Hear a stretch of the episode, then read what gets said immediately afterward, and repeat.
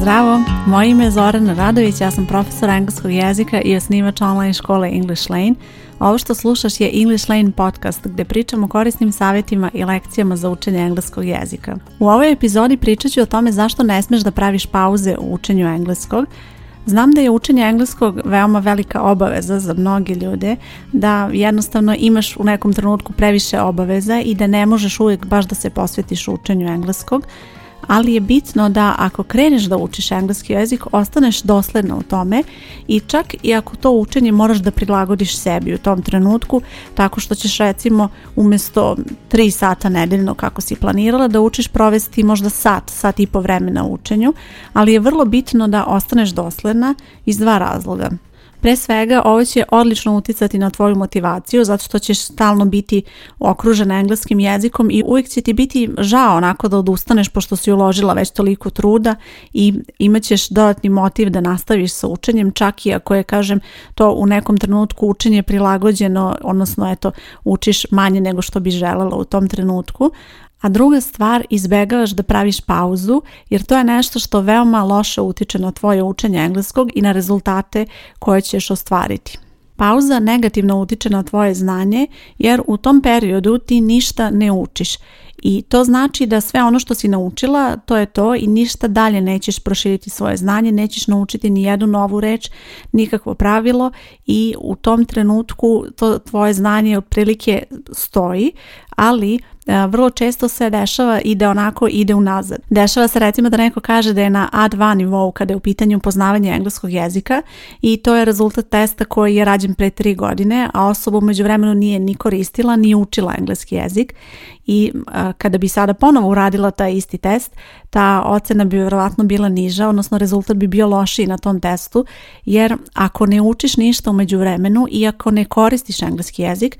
to tvoje znanje ne može ostati uvijek na istom nivou i vremenom ćeš početi da zaboravljaš. Zato i recimo ako konkurišeš za neku stipendiju ili tražiš posao u inostranstvu i traži se neki od zvaničnih testova za proveru poznavanja engleskog jezika,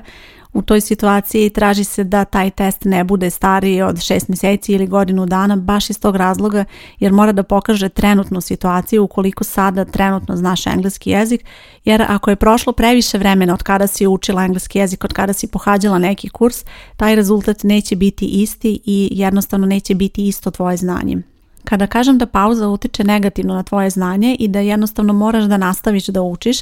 to ne znači da treba stalno da budeš u kontaktu sa novim informacijama i da stalno učiš nove reči i nova pravila, jer ni takvo učenje nije dobro za tebe zato što ćeš u nekom trenutku osjetiti da ima previše informacija i to će naprotiv negativno uticati na tvoju motivaciju i na tvoje znanje, već je bitno da redovno koristiš engleski jezik i da redovno vežbaš. Pauza ne sme da bude u tom smislu. U redu je da recimo ako naredne dve, tri nedelje bit ćeš previše zauzeta na poslu i nemaš vremena recimo da započneš neku novu oblast iz gramatike ili neke nove reči, ali nemoj da te tri nedelje da kažem propadnu, nego e, u tom periodu probaj da koristiš engleski i da vežbaš engleski. Znači je ono što si do sada naučila, probaj da uradiš neki zadatak, probaj da pogledaš neki video na engleskom, neku pesmu da odslušaš, probaj da recimo koristiš engleski jezik ako si u prilici da pričaš sa nekim na engleskom na poslu. To bi bilo odlična vežba za tebe jer na taj način ti ne praviš pauzu iako ne učiš ništa novo, nikakvu novu lekciju, ti stalno koristiš engleski jezik i to je ono što će ti pomoći da ostaneš u formi i da stalno vežbaš engleski i da taj nivo znanja koji si stekla ne ide dole, znači da ne opada. Verujem da većina onih koji slušaju sada ovaj podcast su učili engleski u nekom periodu i to verovatno u školi, na fakultetu ili na nekom kursu, ali vrlo često prođe mnogo vremena od tada, od kada si bila u kontaktu sa engleskim jezikom i vremenom to znanje je sve lošije i lošije i zaboravljaš ono što si naučila, tako da je bitno da izbegavaš da praviš te pauze, čak i ako eto u nekim situacijama ćeš se samo osloniti na vežbanje i na upotrebu engleskog jezika kroz konverzaciju. Osim što zaboravljaš sve ono što si naučila, pauza u učenju znači da gubiš sigurnost u konverzaciji.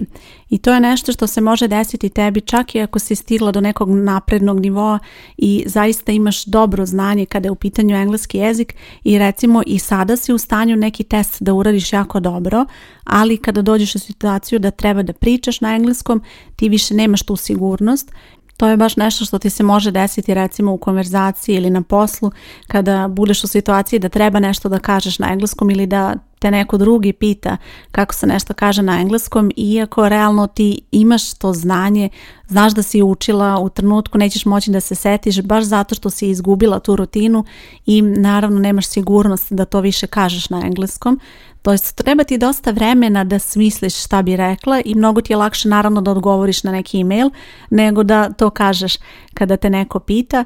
i to se sve dešava zato što nemaš tu, nemaš taj kontinuitet u radu, odnosno ne koristiš aktivno engleski u svom tom periodu, već praviš i pauze koje negativno utiču na sigurnost u konverzaciji. I na kraju pauza u učenju engleskog jezika znači da tvoj trud propada ono vrijeme koje si uložila u učenje engleskog jezika, u nekom trenutku ako ti ne koristiš dalje engleski jezik, ako ne vežbaš, ako ne nastavljaš da učiš, jednostavno više nema svrhe zato što ti to znanje ne možeš da zadržiš bez vežbe i bez upotrebe i e, taj tvoj trud će u nekom trenutku propasti, to jest sve ono što si tada naučila, vremenom će biti nešto što se više onako sećaćeš se nekih detalja, ali nećeš imati sigurnost i zato pauza utiče negativno na tvoje učenje i zapravo te ne motiviše da nastaviš dalje jer ti ako osjećaš da je prošla pauza, ako osjećaš da je tu prošlo dosta vremena i da verovatno moraš da se vratiš, da možda ponovo pohađaš neki kurs ili da umjesto A2 nivoa i da nastaviš tu gdje si stala, sada moraš ponovo da radiš A2 nivo, to je nešto što će te kasnije opet obeshrabriti i uticati loše na učenje. I opet ponavljam, ne moraš ti konstantno učiti. Nije neophodno da stalno budeš na nekim kursevima, već recimo ako si završila neki kurs, u narednom periodu možeš da vežbaš, da radiš neke zadatke, da se okružiš engleskim jezikom na drugi način, jer postoje razni načini da vežbaš i koristiš engleski jezik osim nekih lekcija i vežbanja i to je bitno da uradiš da bi mogla da zadržiš taj kontinuitet i da bi mogla da zadržiš to znanje koje si stekla u okviru tog kursa. Sve ovo ti pričam da bi imala u vidu da učenje engleskog jezika jeste jedna dugoročna odluka i da nije nešto što ćeš uraditi i završiti za mjesec, dva i onda zauvijek zaboraviti da koristiš i da vežbaš engleski jer nećeš moći da zadržiš to što si uspjela u tom periodu. To je recimo kao da planiraš narednih mjesec, dva da se zdravije hraniš, da možda izbaciš sve slatkiše i iako ćeš ti vidjeti e, koristi u tih prvih mjesec, dva i to je nešto što će dobro uticati na tebe, ako to ne nastaviš da radiš i kasnije, onda više nema tih pogodnosti i nećeš se osjećati tako dobro kao u tom periodu. Tako da je bitno da to shvatiš da to isto funkcioniše i za učenje engleskog jezika, da ako želiš da učiš, da treba da se tome posvetiš na duže staze i da shvatiš da će i vežba i upotreba engleskog jezika biti deo tog procesa i da učenje mora da prati ta vežba i upotreba da bi to učenje bilo efikasno i da bi na kraju zaista imala dobre rezultate. U suprotnom dolaziš u onu situaciju da budeš onaj večiti početnik koji počinje početni kurs ne znam po koji put i to se dešava baš zato što ljudi završe recimo neki kurs i onda se ispreče neke obaveze, naprave pauzu i onda kada žele da se vrate, onda shvati da ne mogu da se vrate tu i onda upišu ponovo početni kurs. Ima ljudi koji počinju početni kurs po nekoliko puta baš iz razloga zato što prave te pauze i zato što nemaju kontinuitet u radu i ili čak i ne uspevaju da isprate taj kurs zbog nekih drugih obaveza i zato je vrlo bitno da kada kreneš u učenje engleskog jezika da napraviš plan, da napraviš kako ćeš kada učiti i tako tako da se to uklopi u tvoje obaveze da ne budeš u situaciji da recimo kreneš sada sa učenjem, da učiš mjesec dana jer znaš da ćeš imati vremena i onda kažeš sebi ok, ajde sad ću napraviti pauzu, ima previše obaveza na poslu pa ću nastaviti, vratit ću se za par mjeseci. Jer to utiče negativno zaista na tvoje znanje i iako tebi sada u ovom trenutku deluje da ćeš se možda vratiti da ćeš ispoštovati to što si rekla, vrlo često nećeš i to ne zato što ti nećeš, već ćeš u tom trenutku shvatiti da nisi nisi vežbala ništa umeđu vremenu i da iako si imala želju da se vratiš tu gde si stala,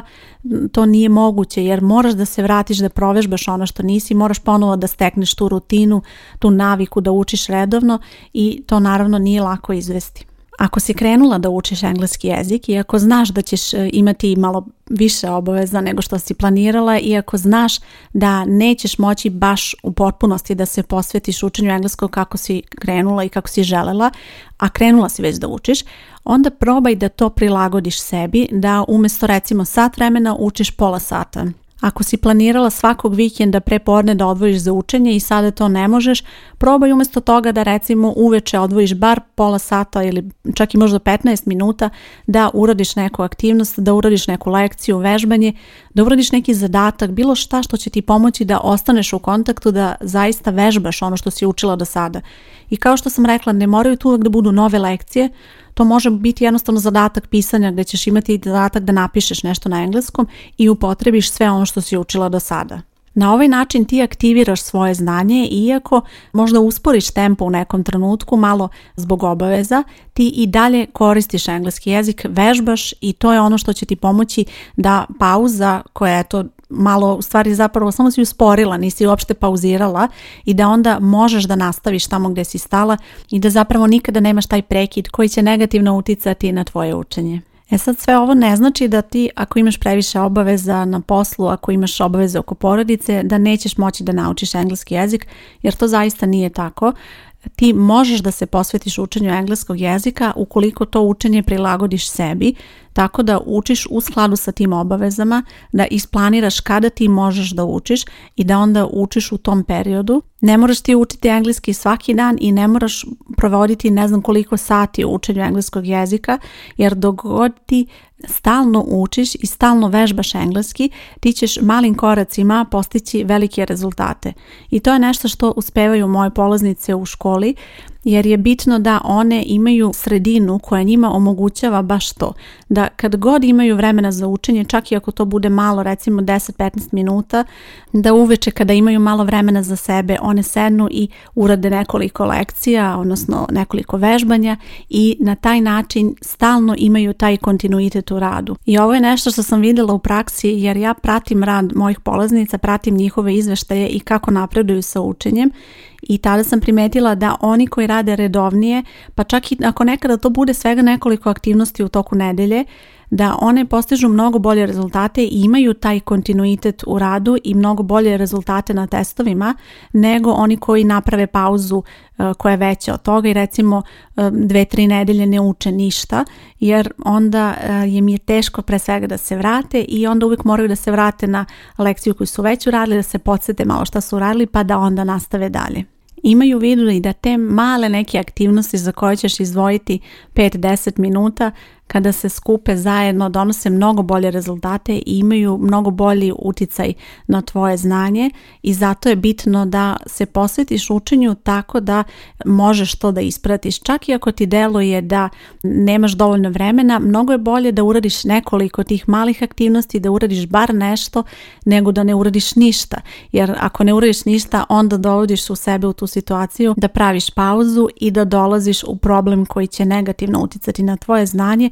a naravno i na tvoju volju. Probaj da nađeš način učenja engleskog jezika koji tebi odgovara i koji tebi omogućava da ostvariš dobre rezultate i nemoj razmišljati da jedan način može odgovarati svima i razmisli o tome ti sigurno slušaš ovaj podcast zato što si zainteresovana za učenje engleskog jezika. Tako da e, imaš već volju, imaš želju da učiš, samo je bitno da nađeš način koji će ti omogućiti da ne dolaziš u situaciju da moraš da napraviš pauzu i da se distanciraš od engleskog, već naprotiv probaj da nađeš rješenje koje će ti omogućiti da stalno budeš u kontaktu sa engleskim jezikom, čak i ako će to biti neka kratka aktivnost koju ćeš uraditi u malim vremenskim intervalima, bitno je da postoji taj kontinuitet i da se ti stalno vraćaš u učenju engleskog jezika. Jer to je nešto što ti želiš, za ne? Ako želiš da to uradiš, onda jednostavno nađi način koji će tebi to omogućiti i izbjegni da praviš pauze. Znam da neke pauze si vjerovatno napravila i zbog e, raznih nekih drugih stvari i okolnosti koje su te sprečile. Ali sada probaj da prevaziđeš sve to i probaj da učiš tako da izbjegneš te pauze i kažem ne znači da ako recimo imaš u toku nedelje jednom vremena za učenje, ako ćeš učiti samo jedan dan nedeljno, ako ti zaista svake nedelje učiš jedan dan, ti nemaš pauzu, već ti si u kontinuitetu i ti si prilagodila učenje sebi i svojim obavezama. Što se tiče načina za učenje, verujem da pred sobom imaš puno raznih načina da učiš engleski, bilo da se odlučiš da učiš u nekoj školi ili da učiš samostalno i bitno je da izabereš način koji će se prilagoditi tvojim obavezama i omogućiti ti da ostvariš rezultate. Ja pomažem polaznicama u mojoj školi da nauče engleski jezik preko interneta jer im to omogućava da uče fleksibilno i da uče kada im odgovara, što znači da mogu učenje da prilagode sebi čak i ako imaju previše obaveza. Uz to jasno imaju plan i program po kome treba da rade, tako da uvijek imaju ispred sebe šta treba da urade i idealan vremenski interval za koji to treba da urade. Želim da te pozovem da pogledaš o čemu se radi i kako izgleda učenje u školi. Ako je ovo trenutak za tebe da želiš da kreneš odnosno da se vratiš u učenju engleskog jezika, onda pogledaj više na ovoj stranici gdje slušaš podcast, bit će link, ili potraži English Lane online škola i tu ćeš vidjeti sve informacije o školi, kako funkcioniše učenje i kako možeš da se priključiš. Nadam se da će ti ova epizoda biti inspiracija da se posvetiš učenju engleskog i da izbjegneš te pauze koje loše utiču na tvoje znanje i hvala ti što slušaš podcast. Ja sam Zorana Radović, čujemo se uskoro. Ćao!